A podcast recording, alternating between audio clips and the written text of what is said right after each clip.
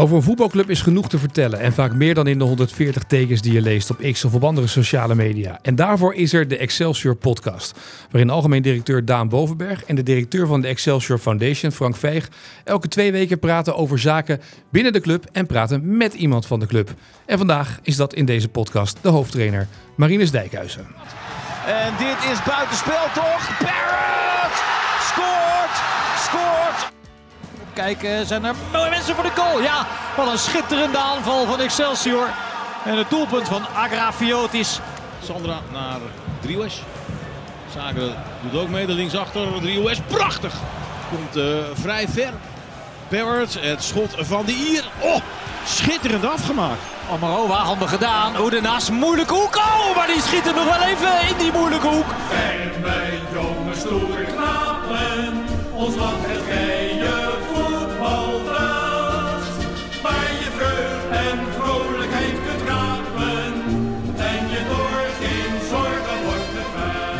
Marinus, als eh, een speler te laat komt voor eh, bespreking of dat soort dingen, in, wat, wat, is dan de, wat is dan de boetepot eigenlijk? Wat gebeurt er dan? Nou, ik moet eerlijk zeggen, ik ben niet heel erg van de boetes. Maar van de week had zich eentje zich eh, behoorlijk verslapen. Uh, echt, echt behoorlijk.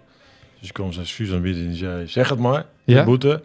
Zeg, uh, trakteer maar voor de groep. En voor de, en voor de staf natuurlijk. Dus die kwam echt met uh, heel lekker gebak de volgende dag. Dus uh, Zo, maar dat vind ik dan mooi, hè? Niks van gemerkt. ik, voel, ik voel iets aankomen bij de volgende podcast over twee weken. Er is een reden waarom ik geen speler meer ben. Hè? Nee, maar ook voor, ook voor directeurtjes geldt tegenwoordig dat die geen uitzonderingspositie meer hebben, Daan Bovenberg. Ja, ik ben benieuwd. Half drie is Ik half vind het, drie. eh, het- het rad wat jullie hebben, vind ik eigenlijk... eh, gebruiken jullie dat niet meer? Nou, dit is even buitenwerking eh, dit halve seizoen. Dus ik... eh, Hoezo dan? ja, dat is... eh, Maar wat is dat voor niet, rad dan? Is niet opgepakt, ja, met boetes en eh corvée. En dan moesten ze, moesten ze, voorjaar deden we dat.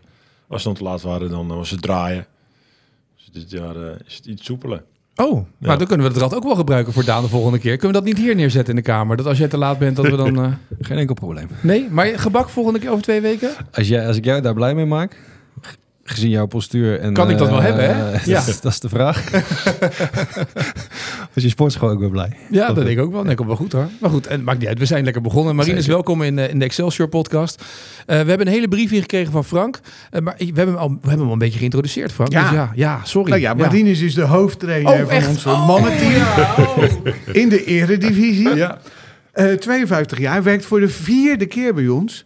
En dat over een periode uitgestrekt van 30 jaar bijna. Dat is eh, best wel eh, bijzonder. En voor mij is Marinus de verpersoonlijking van de eh, vraag... doet Excelsior het nou zo goed omdat ik hier werk? Jij Of, of, doe Marinus? ik het zo goed omdat Jij- ik bij Excelsior werk? Maar jij of ik, Ma- Marinus? nou ja, maar het, het geldt voor mij ook en, en voor Daan ook. Ja.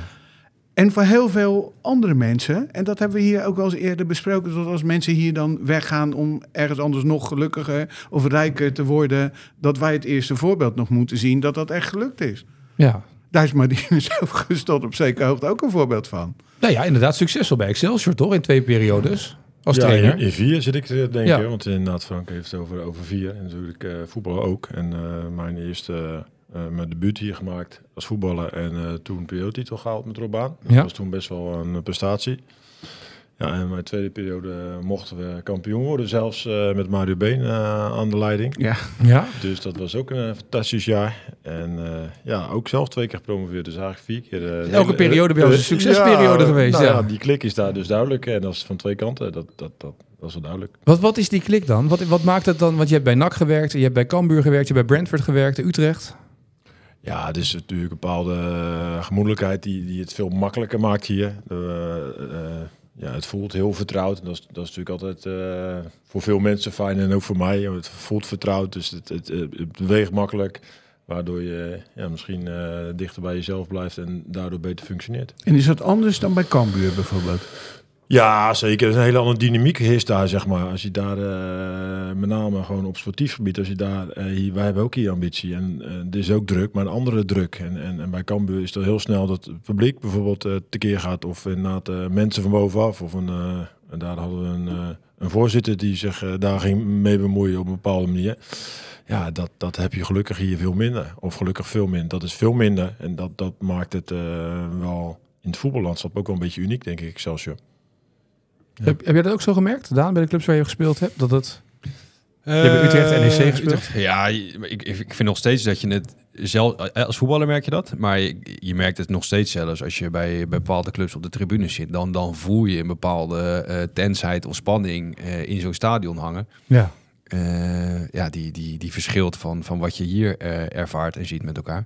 En dat komt ook deels, eh Marinus noemt net een eh, voorzitter, maar een voorzitter kan daar een onderdeel van zijn. Een aandeelhouder kan daar een onderdeel van zijn. Raad van Toezicht, Raad, van Commissarissen. Ja. Raad van. Commissarissen. En dat zit natuurlijk, eh, dat zei Rick de vorige keer ook denk ik hartstikke goed. Het zit heel veel in het, in het ego van mensen. En iedereen wil graag erkenning hebben of, of mensen het idee geven dat zij echt degene zijn die het voor het zeggen hebben of die een specifieke visie hebben of het op een bepaalde manier weggezet willen hebben. En bij ons is wel de tendens van ja, maar dat is leuk en iedereen heeft zijn of haar bijdrage in het geheel. Ehm, maar we hebben elkaar allemaal nodig. En eh, het is veel meer ook oprecht samen waarin we, waarin we met elkaar bezig zijn. En eh, iedereen heeft daar een. eh, ieder poppetje heeft daarin een, eh, een rol. En eh, de een is eh, wat groter eh, dan de ander. Ehm, maar ja, eh, dat gevoel van eh, uiteindelijk eh, hebben we elkaar allemaal nodig. En eh, speelt iedereen daar een belangrijke rol. Dat zit wel heel diep in ons. En waar zit dan toch die, die drang om eh, nog verder te gaan kijken? Wa- wa- wa- wa- als Simeone, hoe lang, hoe lang is Simeone bij eh Atletico? Ja, maar die heeft wel iets anders salaris, denk ik, dan Marinus ja, Dijkhuizen. wat, maar, maar wat, ja, ja, maar is hij gelukkiger of eh, wat? ik denk dat hij... Ja, maar hij zit er al... Wat is het? 10, 12 jaar, 13 jaar, 14 jaar? Ja, Ja, dus- het is dus- nu het is, ik ben toen in coronatijd gekomen in, in januari, begin februari. Dus dat is vier jaar geleden nu bijna, zeg maar. Langzittende trainer in de Dus zit Eredivisie. wel eh, eventjes. Dus, Maar dat zegt eigenlijk ook al genoeg. Hè? Want uiteindelijk eh, eh, eigenlijk is dat natuurlijk hartstikke bijzonder. En tenminste in het voetballandschap gaat het momenteel heel Wat dat hij langzittende trainer in de Eredivisie is nu. Of dat Ja. Simeone daar al... eh, nee, nee, nee. allebei ook, dat, je, ja. dat je, Ja. dat je, ja, maar ja, beide uiteindelijk. Ja. Maar er is nu in het betaald voetbal best wel veel te doen over eh, het snelle verloop van eh, wat er zit. Hè. Dat zit op eh, trainersniveau, het zit op technisch directeurenniveau. Het zit sowieso ook eh, in alle directies eh, verweven. Hoe kan, je dat nou, hoe kan je dat nou tegengaan? En dan zie je toch wel dat eh, ja, eh, je ook echt verschil kan maken door wat langer met elkaar te blijven dansen. Ja, soms gaat het goed, soms gaat het niet goed. Ehm, maar heb je met elkaar de overtuiging dat je beter kan dan wat er nu ligt?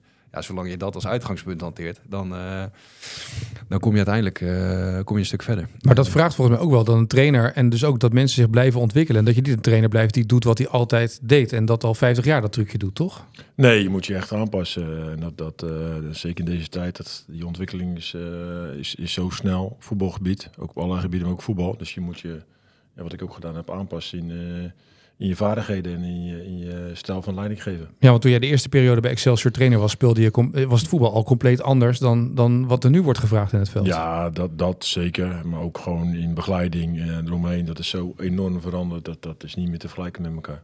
Wat is het grootste verschil dan? Nou ja, dat eh, iedereen behoefte heeft aan een plan als individuele speler. Ehm, dat er eh, veel meer eh, mogelijkheden zijn, zoals videoanalyse met data, eh, alles wat erbij komt. Dus, dus daarin heb je veel meer mensen nodig. Ja, en dan moet je ook meer, veel meer gaan managen. Dus En zo- is dit een podcast, hè, dus mensen kunnen je gezichtsuitdrukking niet zien. Maar dan zit een heel klein glimlachje in. Nou ja, want ik voel me nu wel in mijn kracht. Dus ik, ik kan nu van alles wat doen. Ik geef zelf ook best nog wel training, maar niet zoveel. Maar eh, toevallig hadden we het net over aanstaande maandag. Ja, eh spits moet getraind worden. Eh, ik zeg, eh, geef, geef die maar aan mij, tegen Mies. Want dat- daar word ik wel heel blij van om eh, dat, dat te doen. Maar inderdaad, eh, het, het omgaan met, met, mensen en, en zeker hier binnen Excelsior is dat natuurlijk op een hele prettige manier. Ja, dat, dat, ja, wat jij net al zei, ja, eh, de drang om ergens anders heen te gaan. Nou, die drang is, is er maar niet. Maar het is ook zo dat we in gesprek zijn om, om eventueel twee jaar te verlengen. Het zou goed zijn als ik hier de komende jaren nog ben. En dat eh, zou ik dan ook met alle plezier doen. En als je elkaar nou al zo goed kent, hè, en ook wel van elkaar weet wat je nou eigenlijk wil, waar gaat dan zo'n gesprek nog over? Ja, je- sommige dingen verschil je van mening. Over, over bepaalde, eh, wat je waard bent, of hoe je, hoe je het voetbal ziet, of hoe, eh, hoe je dingen ziet. Of, Kan je eh, één voorbeeld noemen? Eh, ja, nou ja, je praat over een duur van contract. Nou, we hebben de laatste paar jaar eh, best wel een discussie gehad, iedere keer over eh één of twee jaar verlengen. Ik vond het twee jaar en de club vond het één jaar. Ja, en ik zie dat dan eh, zeg maar ook een gebrek van, ja, oké, is daar dan wel de waardering die ik verdien? Vind ik dan zelf, hè? Dat is mijn Ja. aanname. Dus dan kijk ik vanuit mijn ogen. Ja, nu zijn we wel in gesprek over twee jaar, zeg maar. Dus dat, dat, dat is wel een heel belangrijk verschil bijvoorbeeld. Ik denk dat met name heel belangrijk is om Kijk, en dat zit, aan, dat zit twee kanten op. Hè? Want uiteindelijk de, het succes van, van, een, van een betaald voetbalorganisatie... of het succes van de, eh, de ontwikkeling die je ook als, als team maakt...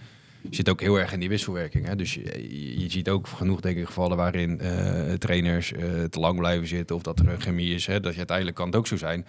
dat een trainer zelf op een gegeven moment denkt van... ja, hé, maar nu ben ik uitgeleerd... of, of ik, ik zie niet meer mijn rol of, of mijn ontwikkelingen. Wat juist wel weer heel goed is, denk ik, aan deze situatie... en wat je ook bij, eh, eh, bij jou dan ervaart, Marin, is natuurlijk... Je bent in een hele andere staf eh, begonnen. Je bent in een hele andere omgeving begonnen als het gaat om faciliteit eh, en mogelijkheden. En je ziet elke keer weer op het moment dat je daar eh, de puzzelstukjes goed gaat leggen, dat dat ook voor je eigen ontwikkeling weer dingen betekent en in een positieve manier eh, eh, ja, eh, eh, ehm, eh, de goede kant op, op beweegt. En waarbij je ook nog steeds het gevoel hebt van ja, maar dit, dat is nog niet klaar, weet je wel. Daar zit weer ja, die maar in. Die, zit die weer shit nieuwe- natuurlijk fantastisch uitgepakt. Ik bedoel, ik was assistent trainer bij, bij Utrecht. En ja, Ferry kwam weer om de, om de hoek. Kwam die de zomer al. In eerste instantie niet gedaan. Nou, toen kwam die in februari weer. Nou, wel gedaan. Met ja, toch ook met een bepaald risico natuurlijk. Maar uiteindelijk, eh, ja, als je dat ziet, eh, op een hele stroeve start na natuurlijk corona. Het tweede jaar was een heel matig jaar. Geen play-offs gehaald. Ja, en, en daarna hebben we veel dingen kunnen veranderen. Eerst in instantie samen met Ferry en daarna met Daan en Niels. Ja, dus dat is wel eh, natuurlijk best wel een succesverhaal geworden met z'n allen. Bedoel, als je ziet waar we eh, vier jaar geleden stonden toen ik binnenkwam of waar we nu staan.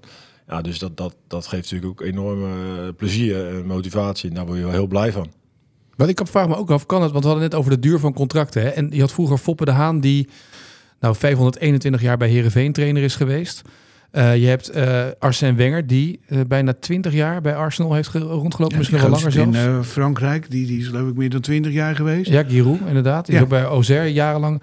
Is dat nog van deze tijd? Kan dat nog? Nou, dus, dus even, dus vaak, kijk, dat is, dat is dan de andere kant van het verhaal. Kijk, de, de duur van een contract wil niet altijd één op één zeggen dat daar een, eh, een, een, een, een, ja, geen vertrouwen zit of dat dat langer goed zou kunnen gaan of wat dan ook. Alleen, ik denk dat je met name in het bewegende voetballandschap aan zich, maar ook de beweging die je club maakt, constant met elkaar de afweging moet maken van hé, hey, wacht even, zitten we nog steeds met elkaar op dezelfde lijn? Passen de karakters, de, de, de, de, de persoonlijkheden en de kwaliteiten bij elkaar?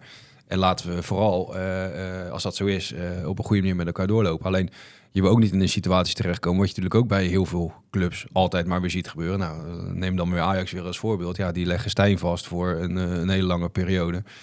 En dat werkt niet. En vervolgens eh, ja, zit je met dubbele lasten, heb je, eh, terwijl je wel met elkaar door wil bewegen. Dus, En, heb je wel en- vaker gehad, toch ook, je hebt toch hier ook jaren gehad dat er trainers kwamen, ik bedoel, die dan de opvolger waren van een succesvolle trainer en dat het dan weer tijd duurde, wat dan weer een... Ja, en, en nogmaals, dat vind ik dus persoonlijk ook best Ja. wel een lastige discussie. Ook, hè, en dat, dat gaat tot en met mijn persoon aan toe en iedereen binnen zo'n organisatie. Want uiteindelijk, de fase waarin een club ziet, vraagt een bepaald leiderschap. Nou, eh, dat past bij een persoon of, of bij een, eh een leidinggevende in deze geval wel of niet. Ja, en hoe lang gaat dat goed? Eh, en, en hoe flexibel ben je daarin? Waarin het uitgangspunt wel altijd bij ons is, en dat vind ik in de basis hartstikke goed, is dat je... Kijk, wij willen ons gewoon niet committeren aan afspraken waarvan we weten... Daar waar, we richting de toekomst zeg maar ook mogelijk mee in de knel gaan komen. En die flexibiliteit en die bewegingsvrijheid, ja, die is voor ons gewoon super belangrijk om eh, ehm, ja, elke keer weer eh, de juiste stapjes te blijven zetten. En dat geldt op elk niveau. En dat geldt is hetzelfde. Ja, weet je, moet je een algemeen directeur, moet je die een onbepaalde tijd geven, moet je die een bepaalde tijd contract geven. Technische directeur, idem dito. Trainer, eh, kan je die misschien, ja, je zou kunnen zeggen, die, ja, je, je praat over ook onbepaalde tijd. ja, Maar met een opzicht termijn. Maar dat is weer een andere constructie waar je dan weer niet met elkaar uitkomt. Omdat, dus ik- ja, qua, denk, qua PR zou het wel heel goed zijn natuurlijk. Als je nu roept we onbepaalde Ja, maar- tijd, dan heb je gelijk eigenlijk. Zeg maar. Er is geen club die dat meer geeft. In Ja. België geeft ze dat wel allemaal, hè? In België is het heel gebruikelijk in de contracten. Nee, dat ja, ze, dat, we heel- hebben er vorig jaar over gesproken eh, met elkaar. En eh, daar zijn we niet uitgekomen. Dus, dat, eh, maar dus toch voor een bepaalde tijd, ja. Ja, en dan in- mag ik in- dan ook in- nog in- vragen, waarom kom je er dan niet uit? Oh, ben je toch ontzettende waar- Albert Verlinde af en toe, toch? in Nou dit ja, soort dingen. Omdat daar dus daar een korte opzegtermijn op zat dat het voor mij niet interessant was. Zakelijk gezien. Dus dat. Heb je ook binnenkort gesprekken over? Ja, Oh, dat is het. Keiharde gasten zijn dit, eh, ja, jij leert daar Probeer van. zoveel mogelijk medestanders eh, Ja, te ja, verzamelen. zo gaat Ja. dat. Zo gaat dat. Maar dan eventjes dan de- de boterhamvraag van deze dag. Ehm, ga je Adrie Koster voorbij en Bob Jansen of alleen Adrie Koster dan? help me even, kan je even de Ja, aantallen... ja, precies, maar je ook Nou ja, eh, Bob Jansen staat op 332 wedstrijden bij Excelsior als eh, op de leiding. Adrie Koster 266. Uh, Rinus Smits eh, ga je binnenkort inhalen. Die heeft 215. Je staat nu op 205 wedstrijden. Dus als je met twee jaar verlengt, ga je kosten in ieder geval voorbij. Maar is de doelstelling, ligt die in het verlengde daarvan? Om, om eh, de, de langzittende trainer ooit te worden bij Excelsior? Of Nou, dat is niet een doelstelling aan zich. Dat is wel een mooi rijtje natuurlijk. Dus dat, dat, dat vond ik wel mooi. Ook zeker met 200 Dat, dat zijn wel mooie dingen natuurlijk. Omdat het, ja, dat zijn hele mooie. Dan, dan heb je daar... top 3 kom je in dit jaar? Ja, dus dat, dat is natuurlijk wel mooi. En dat... Bij Bob Jansen. dat Ja. is toch wel... eh, Ja, en dat is natuurlijk vrij uniek in deze tijd, wat je zegt. eh Dick Lukien, Lukien natuurlijk veel wedstrijden voor mij, maar dat is wel vrij uniek. Want in dit, dit landschap is het, de plekjes zijn dun, en, eh, maar je wordt ook ja, snel eruit gegooid. Dat heb ik zelf ook ervaren. Ja, dat eh, kan soms heel snel keren. Ja, precies. Eh, we gaan praten over dit seizoen. Wat voor, wat voor cijfer geef je dit seizoen eigenlijk tot nu toe? Vroeg ik me af. Poeh, dat is wel vroeg hoor. Nee, maar daarom, ben ik, want er zit namelijk er zit een soort van tweeledigheid in dit seizoen. Dus ik ben heel benieuwd hoe je tot nu toe... Nou, ik heb vanochtend eh, hadden we een vergadering ook gezegd van eh, heel veel positiviteit gehad over het voetbal, over ja, met name ook manier van voetballen en natuurlijk punten halen.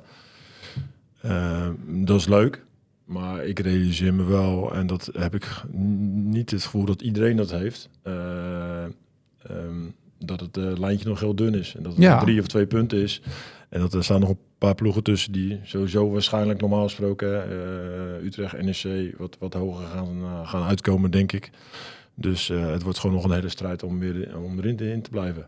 Het gevoel is heel goed, omdat we veel makkelijker scoren als vorig jaar. We spelen ook wat beter. We zijn minder grillig. Maar je ziet ook nog steeds ja, dat we gewoon heel moeilijk potjes winnen. Echt winnen. Is dat doelsaldo voor jou echt heel belangrijk? Want je staat nu op min 3. Ja. Er zijn maar acht ploegen die een beter doelsaldo hebben. Als ik dat op gevoel vergelijk met wat er verleden jaar aan de hand was. Nee, dus zeker omdat het vorig jaar ook wel een ding was. In de degradatiestijd is dat gewoon een punt. En dat, dat- dat, geeft gewoon een lekker, lekker gevoel. Maar vooral het gevoel dat je inderdaad... eh vorig jaar hadden we natuurlijk heel veel tegen. Op een gegeven moment zijn we daar onwijs gaan op concentreren op technische staf.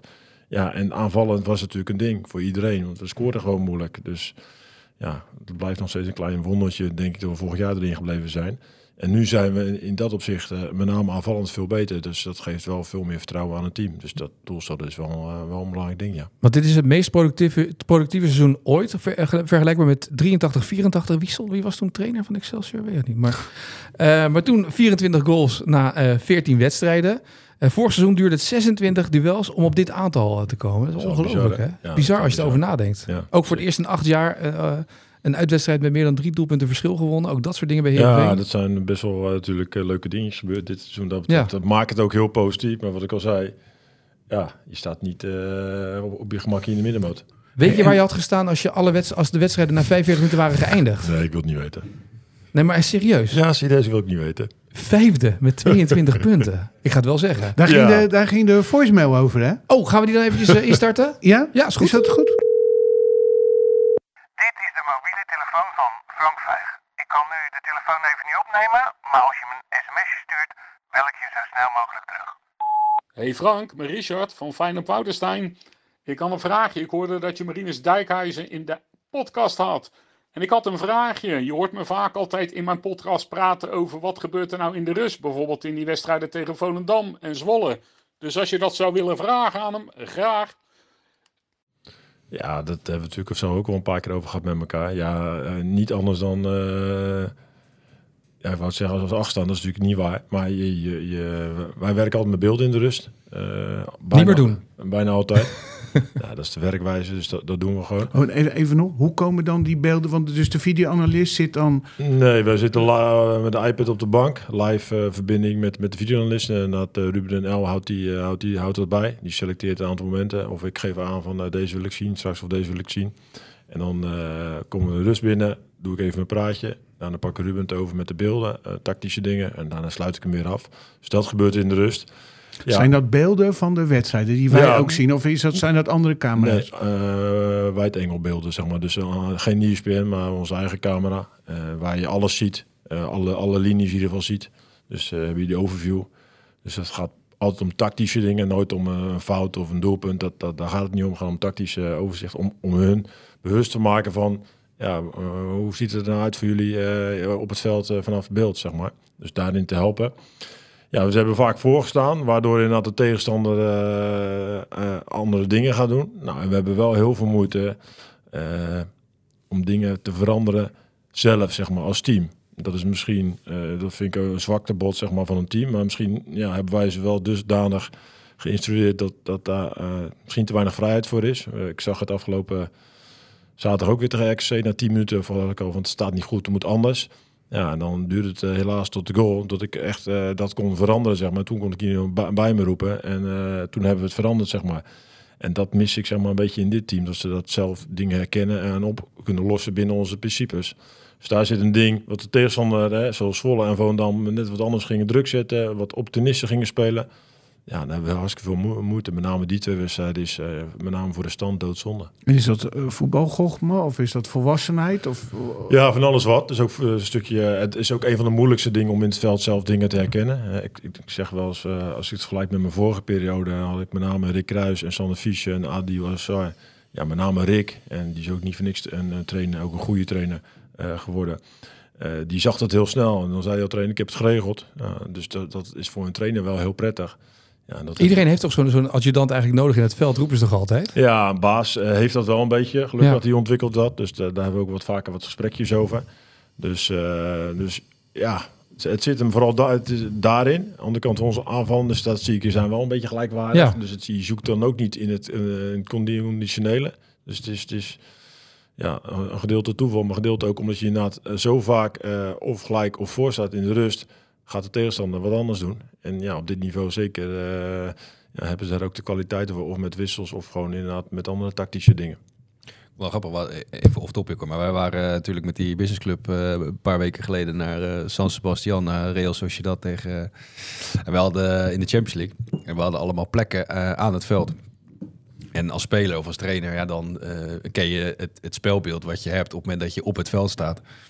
Wat eh, ja, eigenlijk heel beperkt is qua zicht, qua ruimtes, qua eh, hoe zie je dat dan? Dus toen zag je voor het eerst eigenlijk iedereen zo van, ja, weet je, eh, grote waffel als je wat hoger zit. En ja, maar je ziet toch deze ruimte, je ziet toch deze, je ziet toch deze ruimte, je ziet toch dat. Of terwijl als je dan opeens op veldniveau zit, dat je inderdaad zo'n besef had van, oh ja, wat, wat gebeurt er eigenlijk? Was ik naar te kijken? ik zeg, nou, maar dat is nou precies het verschil tussen ja, midden in zo'n wedstrijd of in zo'n beleving zitten. Of inderdaad gewoon eh, relatief makkelijk hoog over van boven kunnen kijken. En, eh, en alle ruimtes eh, eh, op een veel lagere snelheid voorbij zien Maar komen. ik vind het in wedstrijden nog altijd het meest bijzondere om te zien... of het nou dit seizoen of een andere seizoenen is... dat je soms het heft in handen hebt. En dan vaak scoort een ploeg, je maakt jezelf de 1-0... En dan gebeurt er iets in een elftal. Dat zie je heel vaak dat ze ineens dan gaan teruglopen. Of dat je dan veel meer op je eigen 16 gaat staan. En dan bijna op die counter proberen eruit te komen. Maar dat je ineens het hele initiatief kwijt bent in wedstrijden. Ja, dat hadden wij bij Utrecht en Volendam, toch? Ja, nou ga ik, nou ga ik ineens een Ja, het bij- slaat natuurlijk met helemaal name bij, Maar met name bij Volendam. ja. Eigenlijk, kan dat er nog uit? Ja, Bij Utrecht hadden we nog steeds wel redelijk controle. eh, maar bij Volendam niet. Er was het gewoon eh, was het helemaal, helemaal weg. Maar ja, je ziet het wel op elk niveau. Het Ja. is niet zo dat je... Als ik Je ziet, ik vind dat als ik naar tussen kijk, gebeurt exact hetzelfde, zeg maar. Dus dat is ook, maar wat eh, gebeurt dan bij zo'n voetballer dat je dan... Wat, Nou ja, de tegenstander gaat andere dingen doen. Het is natuurlijk ook een mentaal iets. De, je moet altijd denken, hè, zegt, eh, de trainers zeggen dan, pastoor altijd heel vaak van, ja, als je 1-0 voorkomt, niet aan aan de stand gaan denken. Nee. Maar ja, Ja, niet, dat is niet goed, hè? Want niet Nee. registreert het brein niet. Dus Precies, dan, ja, dan dus ga je juist op de dus- stand denken. maar Ja. de tegenstander gaat wat anders doen. En dus dat, dat, dat- ja, dat hou je bijna niet tegen. Maar in die rust dan, want je laat beelden zien, eh, vertel je net over wat er dan in de wedstrijd om ze te helpen, wat er in situatie niet goed gaat. Maar die tegenstander is bezig met scenario B of scenario. C. ja. Eh, eh, ben je daar ook mee bezig? ja, soms wel natuurlijk. Ja. Als je soms, eh, Dennis, ons teammanager, kijkt altijd of er inderdaad een wissel plaatsvindt. Dus Ja. om, om dat inderdaad door te brieven. Dat je dan weet van, hé, hey, ze gaan wat anders doen. Dus dat, dat gebeurt natuurlijk wel eens. Eh, je hebt ze geanalyseerd, dus soms weet je ook van, nou, ze kunnen die zet of die zet wel gaan doen. Ja, dan nog is eh, helaas niet alles eh, stuurbaar. Nee. Was maar zo makkelijk, want dan was een stuk hoger gestaan. Ja, nee, maar dat is bizar eigenlijk om over na te denken wat dat dan is. Nou, heb jij dat wel eens meegemaakt als voetballer dat je dan die eerste helft zo... Ja hoor, zeker. Maar nogmaals, dat is soms niet eens in de eerste helft of in de tweede helft. Soms speelde je ook wedstrijden dat je na 10 minuten al naar het scorebord aan het kijken was. Moet je niet doen, heb ik net gehoord. Moet je niet doen, heb ik net gehoord. Je, nog? eh, Je hebt toch onder nou, Alex maar Pastoor dan- getraind? Nee, maar dat, Ja. is, dat is heel gek. Dan heb, je, dan heb je gewoon een week lang eh, getraind. Dan zit je midden in het seizoen, ben je conditioneel gewoon goed. En dan eh, soms lig je na 10 minuten dat je denkt van... oh, ik moet nog 80, hoe dan? Dat, je, Ja. dat, gaat, dat gaat, gewoon niet, eh, gaat, gaat gewoon niet lukken. En dan groei je er ook weer in. Dus er zitten ook echt binnen zo'n wedstrijd... speel je eigenlijk ook nog weer individuele wedstrijdjes. En dat is heel gek. En dat begint in de basis normaal gesproken al met... Ja, eh, ben jij de, de baas of heb jij controle over Ja. je tegenstander? En eh, ja, dat is, daar zit ook gewoon een stukje individuele, individuele kwaliteit. Eh, om dat En misschien ook wel die eagerness om dat 90 minuten lang beter te willen zijn dan jouw ook directe tegenstander. Ik heb dat, dat bij mijn schoonouders op visite. eh, Dat je 90 minuten ja. lang hier bent. Oh nee hoor. ben ik ook heel benieuwd naar deze link, naar deze uitleg. Die Ik ben heel benieuwd. Oh, ik ben heel nee, benieuwd. Daar hou ik echt heel veel van. Ja, wat, benieuwd met de kerst. Ja, wordt eerste of tweede kerstdag bij je schoonouders? Eh, kerstavond. Ook altijd. kerstavond. Nou, dat wordt leuk dan voor Frans en Co. Bijna hè? cadeaus, denk ja, ik. denk ik ook, ja. En dat is echt al in de eerste 10 minuten of wel pas na 1 of 2 uur? Nee, dan blijft altijd heel eh, lang. Ja, heel. Hij zit eh, overigens in een eh, docu die we aan het maken eh, zijn hè, met eh ESPN. Mhm. Dus over het kampioenschap van 1974. Die hele ploeg is eh, bij elkaar eh, Mooi. geweest. Leuk. En eh, die hebben echt prachtige verhalen tegen elkaar eh, verteld. Maar heb je nog beelden uit 74? Ja, die heeft eh, Vincent eh, Opgespoord. opgespoord. Ja. En die was daar een beetje... Dat, dat vind ik ook wel weer zo mooi. Dus eh, Vincent eh Wenke, l- laat ik hem maar even Ja. ook onze clubarchivaris Hij is ook ondertussen aan het eh, fotograferen op de achtergrond. Hè? Dus als je piep piep hoort, dan weet je wat er aan de hand is. Maar die komt dus met die beelden van bijna 50 jaar geleden. En is hij echt oprecht een soort van ontroerd. Ik eh, weet hoe dat eh, eh, voelt. Hè? Ja, dat hij dat bij elkaar Mooi. heeft en dat je dat ziet. Ja, er zijn heel wat. Dat is het, want we hebben toen ooit, was het jaren 80 toen, die bekerwedstrijd, of 78 ook was dat toch? Toen Excelsior die zo ver kwam in het bekertoernooi. Toen was er nog iemand die had nog een verloren band waar nog wedstrijdbeelden op stonden. Toen we die docu gingen maken. Ja, dat is toch En er is bijna, maar er is heel veel van Excelsior niet meer te vinden. In de archieven van beeld en geluid door brand en dat soort dingen allemaal. En bij, bij de NOS bewaren ze kennelijk ook niet alles van Excelsior, wat gek is. Verbaas me ook nog steeds over. Maar er is heel veel beeld niet eigenlijk. Dus dit kwam dan weer uit een of andere schoenendoos of niet, Vincent? Ja, beeld en geluid nog wel. Oké, ja. Nou, dat is mooi dat dat nog in ieder geval dan En wel toen- maakte Ja. mijn schoonvader ook twee goals hè, in die kampioenswedstrijd. Hij gaat het nu eh, goed de- maken, hoor. dit Ja, dan? ga ik ja, toch oh, ook we eh, gaan nu ineens weer die proberen- erfenis proberen veilig eh, te stellen. Ja. Maar we hebben nog, om nog even in te haken op die tweede helft, even na te denken, dus ook wel ehm, vaak geswitcht naar andere systemen. Ik vind dat je bepaalde tactische flexibiliteit moet, moet hebben. Dat doen we eigenlijk al sinds het promotiejaar. Dus zijn we, met name in het promotiejaar hebben we heel vaak 5-4-1 gespeeld om een 1-0 voorsprong te verdedigen, of een 2-0 eh, een voorsprong in ieder geval. Nou, dat is geloof ik van de 10 keer, 9 keer gelukt, zeg maar. Ja, en dan, eh, dan pas je dit ook toe. En één keer is succesvol, de andere keer niet. Ja, en dan is het soms natuurlijk wel makkelijk meetbaar voor de buitenstaanders. Als je dan inderdaad één tegenkrijgt. Ja, jullie gaan inzakken. Ja, dat, dat, ja, zo zie ik dat niet. Want eh, bedoel, je weet ook niet als je wel met 4-3 blijft spelen. Over het algemeen ehm, ja, heeft het ons wel het een en ander gebracht de afgelopen jaren. ja. En, en soms aanvallend wisselen kan ook wel lekker werken, toch? Zoals ja, tegen RKC. vorige week eh, had ik dus eh, echt een heel machteloos gevoel langs de kant. heb ik niet zo vaak. En toen zei hij met Ruben eh, na een uur spelen. Ja, ik zeg, we gaan naar plan B. Ik zeg, of het wordt 5-0. Ja. Want dat, dat hing niet meer in de lucht. Ik zeg, of we, we maken er nog wat van. We gaan wat anders doen. Nou ja, met, ook niet alleen door de wissel, maar ook enig geluk natuurlijk, maken we wel twee goals. Dus dat pakte wel, eh, wel fijn uit, ja. Wat is nou de invloed van een trainer langs de lijn? Ik bedoel, aan de voorkant kan je alles voorbereiden, je kan alles neerzetten. Ik eh, zag deze week trainers die vijf minuten zes hadden getraind op de situatie en daarin in die situaties vier kansen hadden weten te creëren met alles. Maar toen bleek toch in de wedstrijd dat alles anders was. Jij bedoelt letterlijk langs, langs de lijn tijdens de wedstrijd. tijdens de wedstrijd. Want je Ja. kan natuurlijk aan de voorkant kan je plan A, B, C, D bedenken. Nou, Maar eh, daar zoek ik het meer in. In scenario trainings om, om scenario's voor te bereiden, zeg maar. game management hoorde ik van de week Nou, voorbij komen. dat- vind ik wel. Dat doen wij wel echt structureel eh, goed. En ook koppelen vaak met beelden terug van een training. Dat, dat gewoon plan B, gewoon iedereen weet van als we op een bepaalde manier wisselen, wat, wat er gevraagd wordt. Dus dat, Dat weten ze gelijk ook. Als jij zegt Ja. deze wissels komen erin, dan Ja. weet iedereen gelijk dit ja, gaan we daar doen. zo al regelmatig op getraind. En, eh, Ik kan je daar een voorbeeld van geven. Nou, dat was dus afgelopen week. Toen gingen we, brachten we uh, Nicolas brachten we naast Troy. Dus gingen we met twee spitsen spelen. Daaronder uh, twee, twee tienen met, uh, met, met Oscar en Sue. Uh, we gingen drie achterop spelen. Dus, dus het wordt een soort 3-4-2-achtig. Uh, dat klopt niet eens. Want, ja, maar wist Dan gaan we drie achterop spelen. Twee hoge wingbacks. Ja. één controlerende middenvelder. Dat is me meestal baas. Twee tienen en twee spitsen. Ja. Dus zo gaan we spelen. Dat is, dat is de plan B. En dan is het één kant of doorvoetballen via de zijkanten met diepte, of de bal van de linker of de rechter centrale diagonaal uh, wegleggen richting de twee spitsen, waarvan één spits diagonaal moet, moet blijven. En dan is het tweede bal spelen. Uh, dus een beetje en optimistische en blijven voetballen. Ja, en ik denk dat met name als ik even terugdenk aan, aan ADO uit met, in, in, met finale toen was onze kracht dat we echt bleven voetballen. En dat we natuurlijk met, met Azzekan en Wiever en, en Niemeyer. Toen bleven we vooral ook voetballen. Eh, want lange bal is over het algemeen iets, iets makkelijker verdedigen. Ligt aan hoe het helemaal over het algemeen wel. Dus wij proberen die combi te zoeken. Ja, en dat is wel heel duidelijk. En datzelfde verdedigend. Eh, we gaan soms eens naar 20 minuten terug. Of Vitesse uit, waar we eigenlijk een beetje omvergeblazen werden. Ja, dan zijn we heel snel naar 5-4-1 gegaan. En dan is het vooral ook tegenhouden en eh, in, in de wedstrijd blijven. Ja, dat lukte toen ook. En natuurlijk zijn het ook momenten dat het niet lukt, omdat je wat initiatief weggeeft. Maar die scenario's, eh, daar heb, ik, heb je voor mij de meeste invloed op. En als je dan de vraag, uh, zeggen we langs de lijn. Ja, ik ben vrij rustig langs de lijn, omdat ik... Ja, ik zie ook wel eens trainers die, die, bus, die, die, die de bushokjes intrappen, wil ik zeggen, maar die dugouts intrappen. Of die dan heel de tijd staan te schreeuwen langs Nee, de lijn. ja, ik hou er helemaal niet van. Eh, dus ik af en toe eh, probeer je wel iets te bereiken met compactheid of iemand bij je te roepen. Maar voor de rest eh, ben ik vrij, vrij rustig. Want En, kan eh, jij ook niet, als jij, eh, als, als wij hier spelen, hè, en dat zit eh, tegenwoordig elke eh, 14 dagen eh, vol, dan, dan kan jij fysiek gezien niet die rechtsback aan de overkant Nee, bereiken. sowieso niet. Dus aan mijn kantje gaat het nog.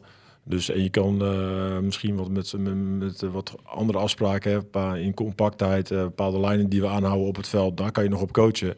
Maar voor de rest, voor mij heb ik weinig invloed. Dus vandaar dat ik daar ook vrij rustig ben langs de lijn. Het is vooral goed kijken wat er gebeurt. Wat kunnen we doen met wissels? Daar kan je natuurlijk wel heel veel mee doen. Zeker tegenwoordig met vijf wissels. Eh, contact hebben met, eh met Verhaar en, en Breu die boven zitten. Die een beter zicht hebben inderdaad op, op, op, op het veld. Via Gravend hebben we daar contact. Dus in die zin proberen we alles met beelden, met dingen, daar de beïnvloeding. En wat minder eh, langs de lijn. Ruben zie je ook nog wel staan. Die Ja. is wat extravert als ik. Om, om, om wat, nou ja, die, die rol heeft hij ook. Dus dat is ook prima om af en toe te pakken. Dus dat compenseert mijn, mijn rustige gedrag wat. Dus eh En zit Ruben met een oortje in nee, Graafland. dat- Uh, Graafland zit met een oortje.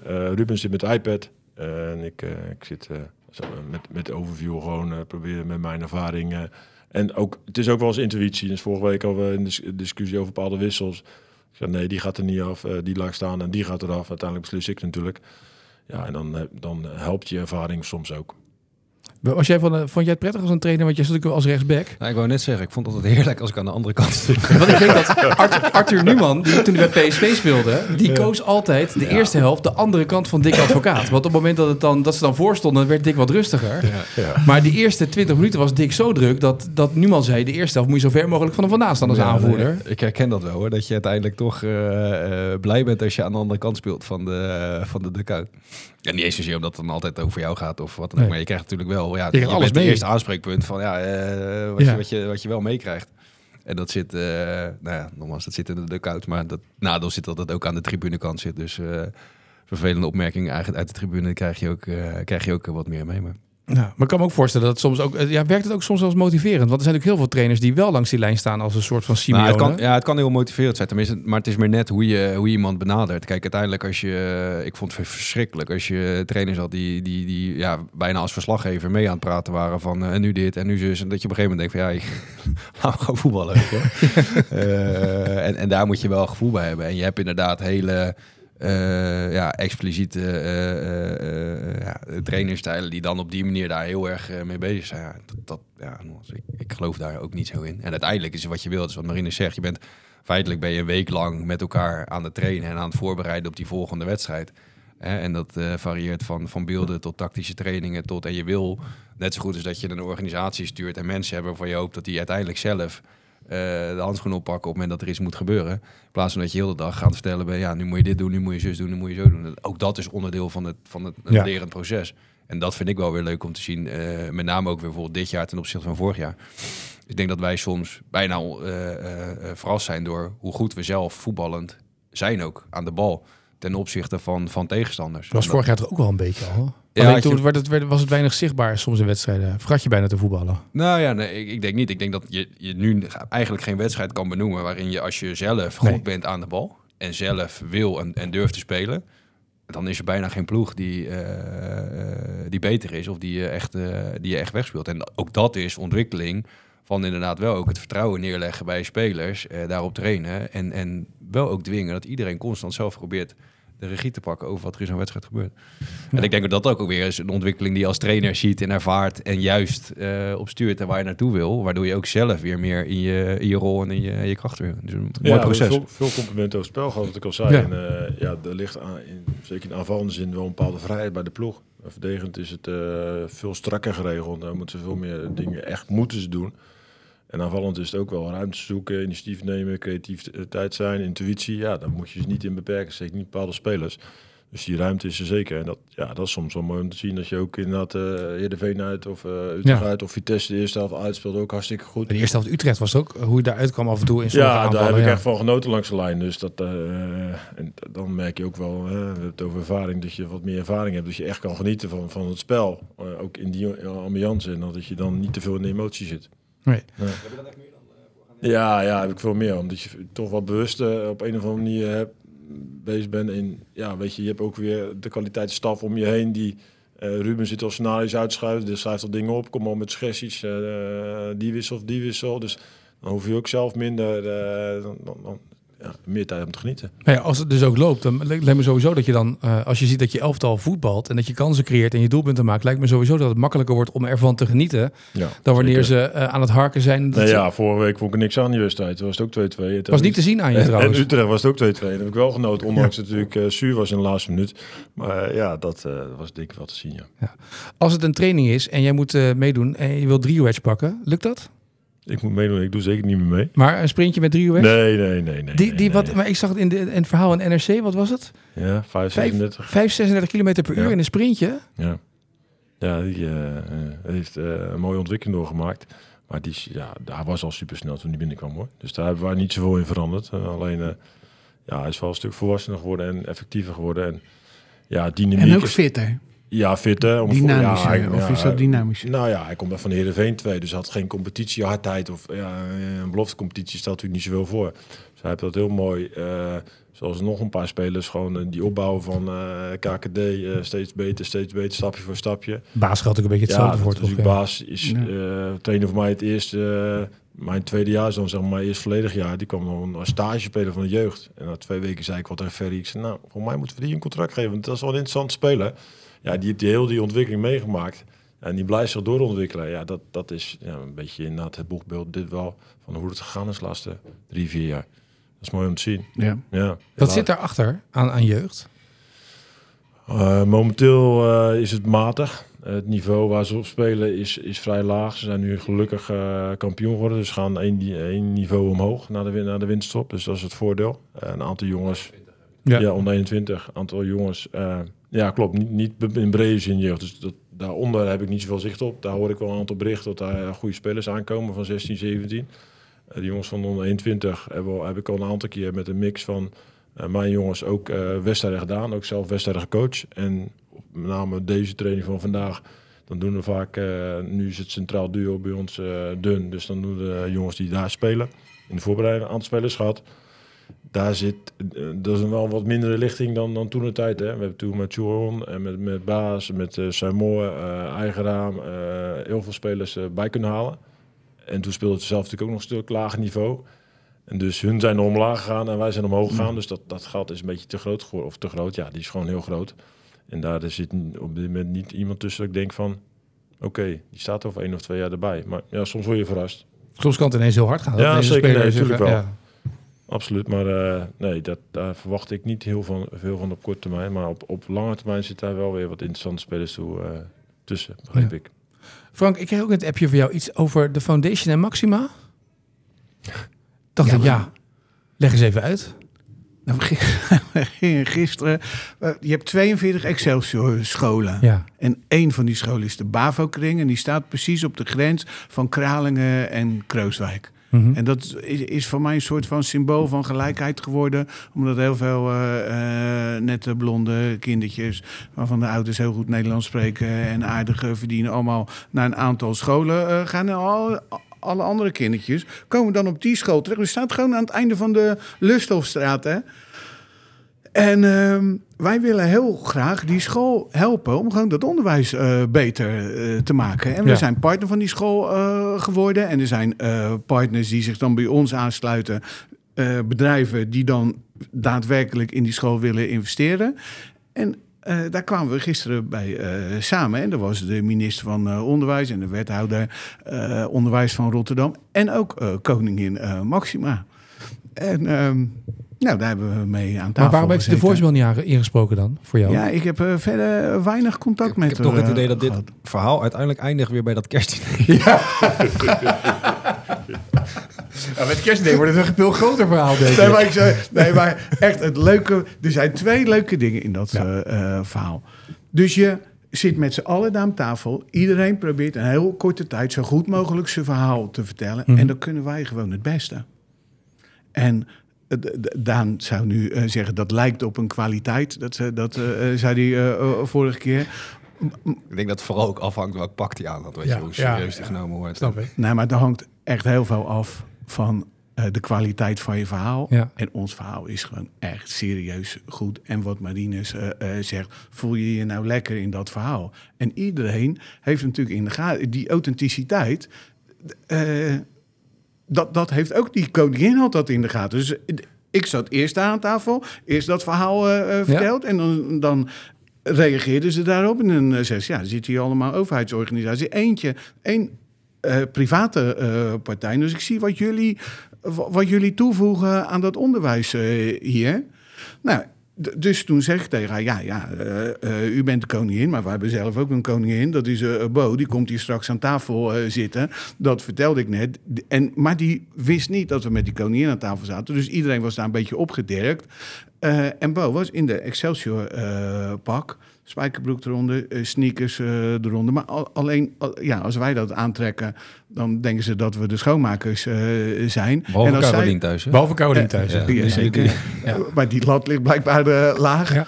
Maar als Bo dat aantrekt, dat meen ik nou erg serieus. Als je zo'n uitstraling hebt en eh, zo'n prachtige eh, vrouw bent... dan, dan zi- ziet dat eruit als een gala-jurk. En toen zaten ze... Je zit met tien mensen om die tafel. Aan de ene kant de echte koningin... en aan de andere kant onze echte eh, Ja. koningin. En iedereen keek naar die Bo natuurlijk. En toen werd het eh, een beetje spannend. Want zou het verhaal nou net zo goed zijn... als eh, dat het er allemaal eh, uitziet. Nou, en toen, toen ging ze dat verhaal vertellen... Ehm, wat, dat, wat daadwerkelijk wat zij doet in het leven van kinderen en wat dat playing voor succes betekent. En dan zit er een ouder helemaal onvoorbereid die zegt: Ja, mijn, mijn kind doet dat. En die speelt ook bij jullie in de Street League. En ik heb nog maar één probleem. Eh, hoe laat komt mijn kind thuis? Want die, die eh, heeft zo naar, de zin, eh, naar zijn zin bij jullie. Eh, die wil gewoon blijven. En dus het donker, dan maak ik me zorgen. Dat is de enige zorg die ik nog heb. Mooi. Nou, En wat is het gevolg dan van dit gesprek? Want Maxima heeft het aangehoord. Dus je hebt een Excelsior-sjaal gegeven aan nou haar. maar niet alleen Maxima. Nee? De, de minister, Minister, van Onderwijs, de wethouder van Sociale Zaken, al die andere schoolbesturen die daar zitten. En op een of andere manier positioneer je dan. En dat is onze eh, kracht. Maar Marines laat dat op een bepaalde manier voetballen. Al die voetballers eh, eh, doen dat. Daar zit een bepaalde bedrijfsvoeringskant aan. En iedereen komt met zijn verhaal naar buiten. Daar is steeds meer publieke belangstelling voor op. Onze eigen socials, maar ook in de reguliere media. Nou, en als je maar vaak genoeg dat verhaal blijft vertellen... Dan, en dat blijkt ook, dan gaan steeds meer mensen zich aansluiten. Worden je mogelijkheden weer groter. Nou, dat, dat is de spiraal naar boven die Daan heeft ingezet... en die we allemaal met heel veel trots met hem lopen. Maar merk je nu, en dat is een vraag voor jullie allebei, ehm, voor Daan en voor Frank. Merk je nu, nu de prestaties van het eerste elftal van Excelsior opvallen in de eredivisie, dat jullie werk ook makkelijker wordt? Ja, tuurlijk. Kijk, uiteindelijk... we het is natuurlijk een, een branche waarin de, de- de- het eerste elftal, hè, wat in de eredivisie eh, komt, dat straalt iets uit. Ja, En- zeker. En het, is, en het is aan ons om ervoor te zorgen dat we eh, A, dat, dat omarmen, daar hartstikke trots op zijn. En tegelijkertijd, eh, dat zeggen we ook altijd, hè, we, we zijn een voetbalclub en de core business is voetbal. Dus we, alles wat we doen en elke functie die we intern hebben, heeft uiteindelijk als doelstelling om bij te dragen aan dat succes op het veld. Alleen, eh, we beseffen ook dat we eh, ja, met onze rol in de maatschappij en onze sociaal-maatschappelijke eh, instelling die we hebben, veel meer bereik kunnen creëren en veel meer impact kunnen creëren op mensen dan alleen dat, dat, dat, dat spelletje. En ehm, ehm, wat nu heel erg leuk is om te zien, is dat dat parallel aan elkaar omhoog beweegt en met Ja. elkaar mee beweegt. En dus daar is sportief succes absoluut een enorme onderdeel van. Want we hebben het vorige keer ook al een aantal keer benoemd. Eh, ja, je hebt nu mensen die, die, die zijn trots om naar Excelsior te gaan. Die dragen vol trots een eh, Excelsior shirt. Eh, we hebben nog nooit zoveel kaarten verkocht. We hebben nog nooit zoveel shirts verkocht. We zien, hè, dus dat is allemaal te leiden aan het, aan het, aan het, aan het voetbaltechnische. Alleen op dit moment vergeten we niet dat we dat andere verhaal er ook bij, bij, bij vertellen op een hele goede manier. Met uiteindelijk ook ja, als doel, ja, stel het gaat sportief minder. Eh, om dan ook je, je basis op een, op een veel hoger niveau weleg, eh, weggelegd te hebben dan dat het, eh, dan dat het hiervoor gelegen heeft. En ja, dat is iets wat de toekomst uit zal wijzen. Ja. Eh, En Frank, als, als Frank nu, of Marinus, als Frank nu koningin Maxima als ambassadeur heeft en ministers en wethouders, merk jij dat het ook makkelijker wordt om nu andere clubs enthousiast te krijgen of spelers enthousiast te krijgen om in de winterstop of later binnen te stappen hier en te denken, weet je wat, ik ga het proberen en ik neem genoegen met een ander salaris dan dat ik ergens anders kan verdienen? Ja, dat, die, die kanteling eh, merkte ik van de zomer eigenlijk wel met name. eh, met een aantal jongens eh, waar je mee sprak. Eerst een aantal jongens die bleven. Uh, verraste me dat nieuws die me binnen kon halen. Met, met name natuurlijk met Zagré en met, met Piri. Ja. Wat ik niet verwacht had. Omdat het kwalitatief dusdanig goede spelers zijn. Die kunnen ook wel echt wel op een hoger niveau spelen. Maar ook, met name ook Arthur, maar ook ik. Jij koos ook voor een heel stukje eh, speeltijd, spelen. Ja. en, en natuurlijk eh, het is ook fijn hier, ook voor dat ze jongens ervaren dat, ondanks het Fransman is. Of, dus dat merk je. Nou, dan kun je ook nog uh, spelers binnenhalen, zoals Perrot en uh, Sandra, die inderdaad het een goed verhaal vinden van de club. Met mij, als ik zit met ze. Ja, en dan, dan merk je wel dat, hè, omdat je zo, een paar zulke sterke voorbeelden hebt heb gehad afgelopen seizoen, of het nou Goudmijn is, of Dallinga, of Wiever. Ja, we kunnen natuurlijk heel veel, of jongens die nu nog hier zijn, Jacobi, Vergassel, Baas. Ja, door, door te spelen en door de juiste dingen uh, aan, uh, aan, te geven, ontwikkelen zich heel, heel goed. Ja, en dat spreekt aan. En dan zijn er steeds nog een X-categorie. Nou, voor mij zei Daan het pas tegen mij. Waar we mee gesproken hebben, ook al een paar jaar geleden, die wat meer voor het geld kozen. En toch wat, minder, wat mindere fase in hun carrière hebben nu. Dus hier nou op de bank zitten, maar wel meer verdienen. En een aantal jongens die bewust voor ons gekozen hebben. En uh, of al door zijn, of hier nog uh, elke week uh, goed spelen. Ja, dat is wel een heel sterk verhaal. En dat, dat moet ook, want ja, zoals bekend zijn wij niet de rijkste. Maar in een aantal dingen zijn wij wel de beste, denk ik. Ja, maar zie ik dat dan ook rond? Merk je dat, dat zaakwaarnemers nu ook zelf gaan bellen of zeggen, joh, kan hij niet? Of, hoe gaat nou, dat? ja, zoals weet ik, met Sissen, met Club Brugge, heb ik af en toe ook wel contact met, met iemand. Ja, die geven wel aan, ja, wij hebben hier nog wel een paar aardige spelers lopen. Misschien is het wel interessant. Dus, uh, en je wilt natuurlijk ook jongens gewoon halen die eigendom van Excelsior. Ja, die waarde hebben, ja. Ja, zeker. Maar ja, het is ook een combi, een combi van om, om dat soort spelers binnen te halen en te laten ontwikkelen, waar je allebei dan ook beter van kan worden. Dus dat, ja, dat merk je wel. Ja, en wat het hele proces denk ik gewoon goed werkt. En dat is in het verlengde ook wat Frank zegt. Kijk, wij vertellen gewoon consistent hetzelfde verhaal. En uh, dat geldt voor uh, een medewerker die hier komt werken. Dat geldt voor een, een, trainer. Dat geldt voor een jeugdspeler. Dat geldt voor uh, een speler bij de eerste helft. Dat geldt voor de vrouwen. Dus eigenlijk voor, consistent hetzelfde. Alleen dan kom je nog altijd in die categorie van... oké, ja, dat is mooi en dat is leuk. Maar hoe ja, voel ik dat echt? Nou, daar zit een bepaald gevoel bij. Nou, en als je dan vervolgens ook als, als trainer en als staf aan tafel komt... en je hebt feitelijk hetzelfde verhaal met dezelfde ideeën en dezelfde... dan proef je ook gewoon dat daar een, uh, ja, een, een, een, een echt plaatje ligt... En ik denk toch wel dat uiteindelijk zeker mensen, zeker jonge jongens die in een cruciale fase van hun carrière staan, die kiezen wel voor het echte verhaal. En, uh, en daarom is het denk ik zo leuk en zo goed om te zien. En dat is ook zo belangrijk dat die wisselwerking tussen onder andere Niels en, en Marines ook, uh, ook zo goed is. Omdat je, ja, als je aan de voorkant uh, Niels met verhaal A komt en Marines komt aan tafel en het is A plus of B of C of net anders. Ja, dat, daar gaat het natuurlijk heel vaak fout. En die aanvulling op elkaar vanuit, vanuit clubverhaal naar sportief technisch, naar daadwerkelijk ook vertaald naar rol binnen een team en op een veld. Ja, ik denk dat, dat, dat je dat ook ziet, dat, dat die wisselwerking ook beter ja. wordt. En dat je steeds meer vanuit bewijs ook kan onderbouwen uh, wat je dan met elkaar aan het doen bent. En dan is het ook weer leuk, want dan heeft iedereen daar ook echt zijn, zijn rol weer in. En dan kom je weer terug bij het, bij het eerste verhaal eigenlijk. Ja, dan heeft iedereen ook echt weer zo'n rol in het ja, voor elkaar krijgen van zo'n soort uh, van zo'n deal en zo'n constructie. En, ja, dan is het gewoon heel fijn werken als je daarin heel kort bij elkaar zit. Hey, ik voel me deze week nog even één ding af, Daan. als je nou een begroting maakt, hè? Excelsior heeft de laatste jaren wat meer transfers gedaan. Begroot je die ook tegenwoordig mee of niet? Want dat schijnt tegenwoordig in voetbal heel gebruikelijk te zijn. En er schijnt nog hier en daar wat risico's kan je daarmee lopen. En dan wordt de Raad van Commissaris heel boos. Ja, nou als ik heel eerlijk ben, als ik dan eh, toch kijk naar eh, eh, waar we vandaan komen, waar we nu staan. En vanuit welke ja, mindset en gedachtegoed we dat doen en waar we consistent aan vasthouden. Is het dat we volledig zelfstandig zijn in wat we doen, in de keuze die we maken. We zijn denk ik nog een van de weinige clubs zonder eh, aandeelhouders, zonder externe investeerders, zonder eh, eh, weet ik het wat voor mensen ook Mhm. die dan toch ook invloed willen hebben op het beleid. Ehm, en we zijn ja, met een eigen potje, zo zeg ik het maar, gewoon aan het, aan het, aan het spelen, aan het investeren. Maar ja, En, dus eh, het transfergeld dat je binnenhaalt, gaat in, maar dat zit niet in de begroting. Want dat verhaal natuurlijk bij Volendam, even voor de duidelijkheid, is en dat is wel vaker gebeurd, ook in het verleden. Er zijn meer clubs die begroten op een tekort. ja, Zwolle. Ja, eh, Er wordt begroten op een tekort. Ja. Ja. en dan moet je een transfer eigenlijk, maken. Eigenlijk is het, is het eh, eh, eerder regel dan uitzondering dan dat je... eh, dus alle clubs die, eh, die begroten negatief. Ja. eh, om dat met transferresultaat eh, goed te maken. Eh, nou ja, ons uitgangspunt is dat we dat niet willen doen. Eh nogmaals, er zit altijd, eh, en dat zit met name in volgordelijkheid van een aantal dingen. Hè, dus net zo goed als afgelopen zomer. Hebben we ook gezegd, oké, aan de voorkant gaan we een aantal investeringen wel bewust doen. die we vroeger niet hadden kunnen doen. Omdat, omdat je dan per definitie inderdaad mogelijk in een Volendam scenario zit. Hè? Want als je dan niet in de laatste week van augustus toch nog een paar mensen kwijtraakt. Of op een doorverkoop zit te hinken. Ja, dan wordt het opeens heel eh, penibel. En waar andere clubs misschien nog de luxe hebben dat een aandeelhouder zegt van nou, weet je, eh, die stort Ja. ik bij. Hebben wij dat niet. Ehm, maar wij hebben gewoon een, eh, denk ik, een hele, hele realistische en, en goede uitgangspunten. Want uiteindelijk, wij zijn gewoon een, een, een commerciële organisatie. Ik vind ook dan belangrijk dat je uitgangspunt is dat je winst maakt. Of dat je in ieder geval positieve cijfers laat zien.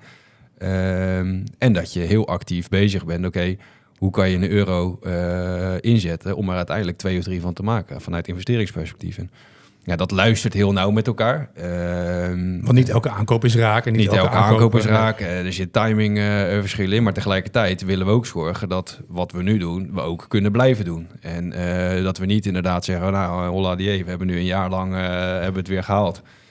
En volgend jaar gaan we, gaan we het wel weer zien. Nee, de aankomende transferwindow in de winter is, is net zo belangrijk als die af, afgelopen zomer. En die is net weer zo belangrijk als die, als die zomer daarna.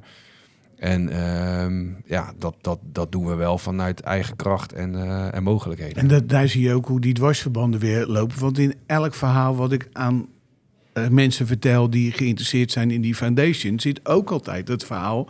eh, ja, ja, we draaien hier vanaf eh, 1902 elk dubbeltje eh, om. Eh, we draaien zwarte eh, cijfers. We hebben een positief eigen vermogen. En we spelen van de afgelopen 20 jaar spelen we de 11 in de Eredivisie met een budget dat er eigenlijk geen aanleiding toe geeft. Dat komt dat we steeds iets goeds doen. En dat is waar je aan verbindt, los van dat je rechtstreeks goede dingen doet voor kinderen of voor ouderen of voor mensen zonder werk of wat dan ook. En ja, dat is ook een onderdeel van het consistente verhaal. Dat vinden mensen fijn als, je, als ze weten dat je in zo'n omgeving terechtkomt. Als je toch je geld ergens moet brengen. Dan maar hier. Dus ja. Ja. Heb je, eh Marinus, al een wenslijstje ingediend voor de, voor de winterstop? Wat je zou erbij willen halen? en is dat voor versterking nu? Of is dat meer voor de toekomst dat ze al binnen zijn en dat ze je voor volgend jaar gereed staan? Nou, daar hebben we het inderdaad uiteraard al over gehad. Ehm, nou, eh, achterin zijn we kwetsbaar. Met name ook eh, door de eh, blessures van, van, van Piri en Seymour. Allebei lang uitschakeld. Eh Piri is nu op de weg terug, staat weer op het veld. Eh, het heeft weer wat deze week met de groep meegetraind, dus dat is positief. Maar we weten eh, dat hij ook kwetsbaar is. Dus afwachten, eh, ja, dat zou voor ons een heel groot verschil kunnen maken. Tweede half seizoen. Seymour is ook nog een tijdje eruit. Dus is daar- wel lekker trouwens het idee dat je Piri nog terug gaat krijgen na de winterstop. dat is op nee, zich, zeker. Nee, dat, je denkt, we staan nu hier. Maar ja, je, ja, nee, komt alleen. Ja. ik, ik maak mezelf nog niet heel blij. Wil zien dat hij fit is. en Maar dat is wel je patroon Dat toch in het veld? Ja, dat is je man die dat het is verschil maakt. Een jongen ja. die, waar Ja. ik het net over had. Eh, we hebben vorig jaar gezien de ploeg bij Ja. de hand neemt. En eh, met name ook in de coaching en de leiding geven en persoonlijkheid. eh, daar ja, op een ander niveau is. Ook op een ander niveau komt hij vandaan. Dus dat, dat zou geweldig zijn voor, voor het team en voor hem. Als hij kan gaan spelen. Maar er zijn we wel kwetsbaar. We hebben nu geen centrale op de bank al een tijdje, zeg maar. Dus, ehm, dus daar zijn we kwetsbaar. En op het middenveld zijn we ook wel redelijk dun. Eh, voorin zijn we goed bezet. Ja, dat is ook altijd de vraag, gaat er misschien nog wat weg? Dat kan natuurlijk altijd gebeuren. Dus eh, ik vind niet dat we heel veel nodig hebben. Maar je kan ook voorselecteren op volgend jaar. dat je nu alvast binnen hebt. dat en voor dat de- je, daar hebben we het ja. ook over. Zeker eh, als je een speler kan halen die bijvoorbeeld nu nog een half jaar contract hebt en dus is betaalbaar voor ons, dan, eh, dan is dat zeker de overweging. En gelukkig hebben we, want jij zegt net over begroting, die stapjes wel gemaakt als club zijnde. Hebben we al een aantal spelers, eh, zoals onze Zweedse vrienden, eh, kunnen halen zeg maar, met, met een relatief kleine transfersom. Maar dat is wel de stap die de club gemaakt heeft vorig jaar. Dus daar word ik als trainer natuurlijk wel blij van, omdat dat meer mogelijkheden geeft. Ja, en zoek je dan naar Nederlandse spelers of eh, maakt dat niet uit? Heb je een talenknobbel ondertussen? Nou, liefst wel. We hebben nu inderdaad al zeven buitenlandse jongens. En, Wat was de eh, voertaal in de kleedkamer? Nederlands of Engels? Want ik zag Arne wel. Slot in het Engels praten steeds Ja, in al die documentaires. Ik, ik, ik doe een mix, meestal wel Nederlands, maar ook wel eh, wat Engels do- tussendoor. We doen eh, analyse, bespreking doen we in twee groepen. Ruben pakt de Engelse groep en ik pak de Nederlandse groep. Die Ja, goed dan voor moet je nu even vragen waarom is dat, Frank? Waar, waar- hoe zit dat, Marinus? Het is iets beter in Engels dan, eh, dan ik. En het specifieke taal is best wel, eh, als je echt iets gedetailleerd wil zeggen, dan eh, ga je gauw terug naar het Nederlands. Ja, en we zijn ook een Nederlandse club, dus ik wil ook, ook wel eh, dat, dat zo, zo houden. Ja. Dus liefst hebben we Nederlandse jongens erbij. Dat, Maar dat wil iedereen geloof ik, hè? Ja, daarom. Dus die markt is gewoon moeilijk om, met name op betaalbaarheid, hebben we het dan inderdaad weer over, om dat binnen te halen. Ja, soms als dan een buitenlandse jongen eh, dat beter kan invullen voor minder, minder geld en wel haalbaar is, ja, dan pakken we die. Dus het is afhankelijk van de markt ook, zeker. Wordt wel een leuke periode zo. Frank, heb jij nog wat leuke dingen voor de agenda die we nog eventjes door moeten nemen? Want je had een heel lijstje nog aan dingen die je nog wilde vermelden. Oh, de... Ja, en dit was... Etienne, Ja. meestal eh, stel je gewoon die... eh, Nee, ik stel geen vragen meer. Dat is zeg maar gewoon... Dit is een Jack van Geldertje. Dan zeg ik, Frank, zeg het maar. Dat is een hoogtepunt. Nee, ja. nog. Hoogtepunt van de... Hebben we die nog hebben? Ja, mag. Ja, we zijn er Eh, begonnen, ja. Ik heb het nog niet gehoord. Nou, ja, van Frank wil je het hoogtepunt weten, maar voor jou dan ook, ja. Ik zou bijna zeggen enerzijds, eh anderzijds. Ja. Enerzijds was dat die, die, die goal, Jullie besmetten elkaar met dit. Lekker is dat, ja. die goal van eh, Julian eh, bij eh, RKC. Ja. Dus wat mij wel een beetje ontroert, wil ik nu eh, zeggen. Ik, Pas op wat je zegt. hè. ik zie die jongen zo hard werken om beter te worden, om beter te gaan trappen. En ook als je van de zomer hier kwam en zij trainde helemaal niet, dan, dan was hij nog aan het eh, eh, trainen. En als dat er dan uitkomt, dat vind ik mooi. En, en voor mijzelf, ehm, Ian Smeuleus. Die komt één middag in de week bij ons eh, werken Ja. als coach van eh, drie kinderen. En eh, daar heb ik een band mee, want die lag als babytje al lag hij bij ons thuis. Zijn moeder en Carolien eh, zijn al 40 jaar vriendinnen. En die kregen tegelijkertijd de, de, Carolien de jongste en zij de oudste. En ehm, alles met elkaar meegemaakt. Al die vakanties, die gezinnen zijn met elkaar vergroeid. Nou, was hij twee jaar in Noorwegen geweest. Hebben we hem best wel gemist. En dan eh, loopt hij hier en dan is het eerste wat hij vraagt... ja, eh, kan ik dan eh, nog wat doen? Want ik wil best wel wat betekenen. Nou, die, die komt daar dan bovenaan. En dan zie ik hoe kinderen daarop reageren. Het is toch gewoon een voetballer hè, Ja. die dan met ze gaat werken... en hoe ze hem dan vastpakken als die weggaat en bedankt. En ja, Mooi. En jij, wat is jouw hoogtepunt dan? mooi. Je bent naar Eh, Londen geweest ook, hè? Ja, nou, dat is misschien wel goed. Niet eens, het was voor mij niet eens per se een, eh een, een clubhoogtepunt dan. We zijn inderdaad vorige week naar eh, Londen geweest. Op uitnodiging ook van, van de KVB en de, ehm, eh, ja, de, de FA. En Mhm. de, de, de, de, de Premier League aan de, aan de vrouwenkant. En eh, heel uitgebreid verteld hoe zij inzetten op eh, ja, de, de- gelijke kansen en de ontwikkeling die ze, die ze meisjes willen, willen bieden. En, en wat de, de mogelijkheden ook zijn eh, in het vrouwenvoetbal. Nou, eh, die Interland eh, ook meegekregen op, eh, op Wembley. Nou zitten 71.000 eh, Ja. eh, mensen te kijken. Eh, dan inderdaad ook heel erg bewust van nou, de, het spanningsveld richting zo'n eh, kwalificatie. En, eh, en die ontknoping, en dan moet ik zeggen, die ontknoping, die doet je dan altijd weer denken aan eh, memorabele eh, sportmomenten. Ja. Dat laat zien hoe mooi sport is en eh, ehm, ja, wat, wat, wat dat teweeg kan brengen. Dus de, ja, de, de overwinning van de Oranje Leeuwinnen in de, in de allerlaatste minuut. met de beslissende goal. gecombineerd met ja, het besef wat, wat voor vreugde dat kan, kan brengen. Dat vind ik altijd eh, mooi aan sport. Mooi. Eh Marine, nog één ding hè, voor deze podcast. Sorry. Zag je daar ook? Want het is niet alleen die ene wedstrijd in dat interland. Dan word je een soort honkbal met het WPT of zo. Maar je ziet daar ook in de competitie veel meer mensen naar die wedstrijden gaan. Ja, nou ja, wat, wat ik wel heel leuk vond, en, en nogmaals, dat is vaak ook de onderliggende vraag hè, van, van bijvoorbeeld vrouwenvoetbal. eh, eh, waar gaat het naartoe en eh, hoe ontwikkelt zich dat? Ze hadden wel heel mooi laten zien dat uiteindelijk, eh, en die Premier League clubs eh, en de FA, die stoppen ongelooflijk eh, veel geld in het, in het vrouwenvoetbal. Ehm, eh, heel simpel. zij zien eigenlijk twee trends. Eén is dat één op de drie mensen die naar het vrouwenvoetbal gaat, die is nog nooit naar voetbal geweest. Dus dat is een hele nieuwe doelgroep voor de sport überhaupt. En maar 25% van de bestaande supporters of seizoenkaarthouders weten ze te converteren naar het vrouwenvoetbal. Wat betekent dat 75% van alle supporters nieuw is.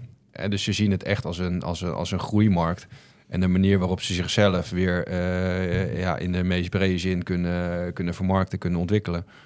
Ehm, en dat dat ook de potentie is die het, die het laat zien. En eh, ze zijn begonnen in Engeland met, met van die eh, big game wedstrijden. Nou, dat gaan we binnenkort bij ons in Nederland gaan we dat ook introduceren. Dus dan is het echt de bedoeling dat de hele vrouwen-eredivisie ehm, eh, één speelronde in het teken zet om zoveel mogelijk toeschouwers naar het, naar het stadion te krijgen. Om daar een, eh, een, eh, een nieuw record neer te zetten.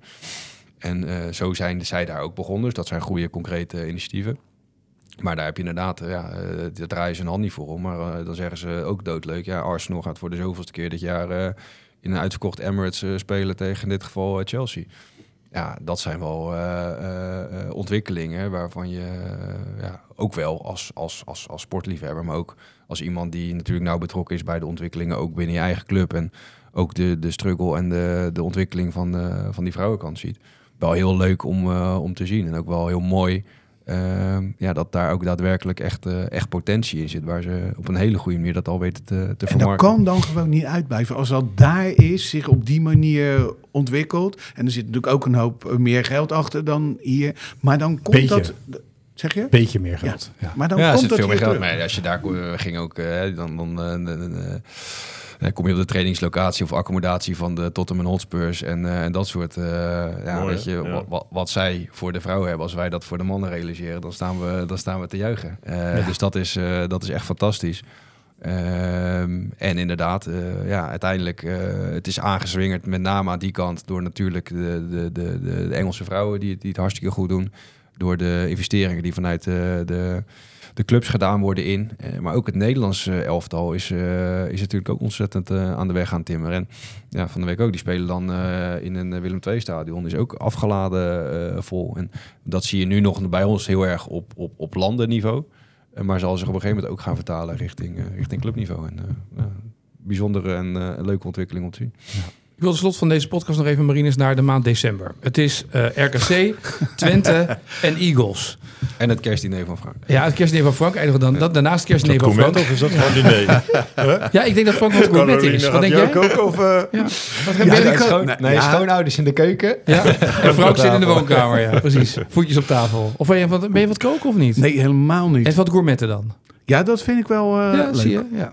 Maar die decembermaat en Excelsior, dat is een soort van eh, niet zo'n gelukkig huwelijk. Kan dat dit jaar ook verbroken jij. worden? 0,5 Nou, ja. punt gemiddeld per wedstrijd. Dat weet ik niet, maar ik realiseer me wel eh, ja, hoe, met welk gevoel je de winst op ingaat, zeg maar. Ja. Eh, dat had ik voor RKC al. Ik denk, ja, het kan inderdaad met 20, 21 punten zijn en door in de weken. Of met 16 punten en je bent uitschakelen door Spakenburg. Weet je, dat kan allemaal. Ja, dat is wel een heel groot verschil. Ja, dus dat, dat realiseer ik me wel. Ja, en, en ja, ik, ik moest nog denken, vanochtend was ik even bij die kwartaalbijeenkomst. Ja, hoe groot de club is geworden. Maar ik denk ook wel, jee, maar we moeten wel, we moeten wel erin blijven hoor. Want eh, ja, Ja. het heeft voor iedereen toch, ja, we, tuurlijk ga je door. En, maar het is wel belangrijk voor iedereen, zeg maar. Dus dan, dan ja, leg ik mezelf gelijk wel weer die, die, die druk op. Of die is er al, maar dat, dat, dat realiseer ik ook wel deze week. Dus ja, ik moet eerlijk zeggen, deze week eh, was de trainer echt wel even wat anders dan de afgelopen week. Omdat er gewoon een aantal dingen niet naar me zien waren in de groep.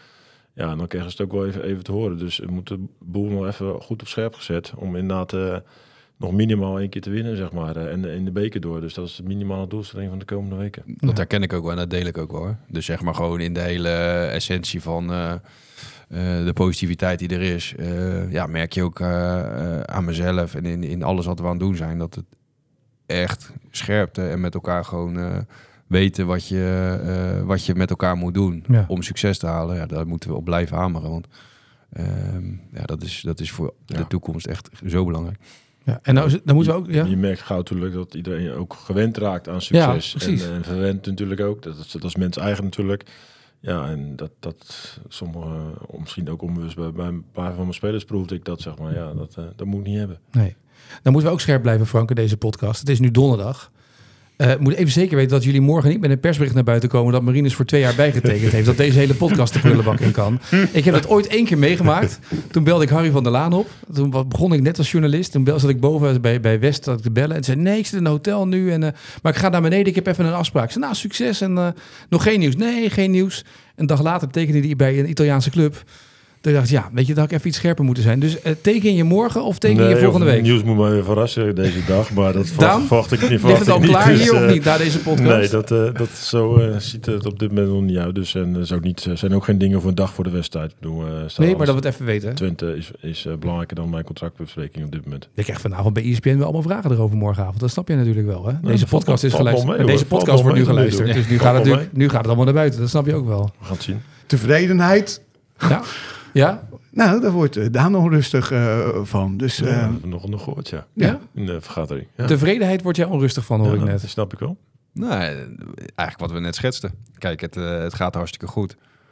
En we hebben hele mooie stappen met elkaar gezet. Ehm, en tegelijkertijd ja, voel je aan alles dat we op- als club gewoon weer op een, op, een, op een kantelpunt zitten. Waar we gewoon echt door moeten.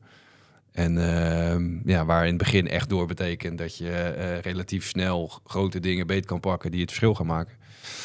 En naarmate dat gedaan is, worden de stapjes die je kan zetten eh, steeds moeilijker. En eh, dat vraagt wel heel wat anders van, van iedereen weer zijn of haar rol en functie. En dat is wel iets waar ik komende periode wel heel veel tijd en aandacht aan ga besteden. Nee, dat is ook een beetje waar ik een beetje, hè, als je over dit seizoen heen kijkt, gaan gaan we vanuit dat we dat we weer fixen met z'n allen. Ja, er lopen gewoon een x aantal spelers af uit contract die, die de afgelopen drie jaar eh, ook tot succes, eh, een groot deel van het succes eh, hebben gezorgd. Ja, en dat helaas hebben we nog niemand kunnen verlengen daarin. Dus ik ben bang dat dat soort dingen, dat je weer een heel nieuw elftal. Dus dat gaat weer heel veel vragen van ons allemaal. Ook interessant, maar ook wel, ja, wat bij de club natuurlijk past, maar ook wel onderdeel van ons succes eh eventueel. Te veel spelers die in één keer weggaan, die, eh, die zo'n bepalende rol hebben, kan natuurlijk ook weer een hele nieuwe dynamiek opleveren. Ja, nee, het kan Ja. ook heel positief Ja. zijn. En eh, zeker als ik, eh, als ik blijf zeg maar. Ja, dan, ja nee, snap ik. Ja. allemaal nieuwe spelers. Ja. Dus, eh, ja, dus dat. Mooi. Nou, dat gezegd hebben we. Dat is wel mooi. Hè? Ja. Een gemeenschappelijk probleem is het, eh, Ja. is Ja. het gewoon. Heel goed, eh, ja. En iedereen... Nou, Nee, inderdaad. Maar ook dan eh, gewoon de overtuiging met elkaar hebben dat we de kwaliteit, dat we de mensen in huis hebben, dat we mensen op de juiste posities en in hun kracht hebben. En dan gaan we het ook gewoon weer fixen. Dus sowieso. Alleen, ja, nogmaals, daar moeten we ons wel elke dag eh, bewust van zijn. Over twee weken zijn we er weer. En dan met gebak. Uitstekend van deze pot. Ja, en ik hoor dat je de technische hoor. staf ook mee moet nemen. Want ja, de trainer zat erbij. Dus bij deze alvast... eh, jij was eh, te laat, hè, kwartiertje. En dat rad, dat gaan we hier neerzetten, denk ik. Tot over twee weken.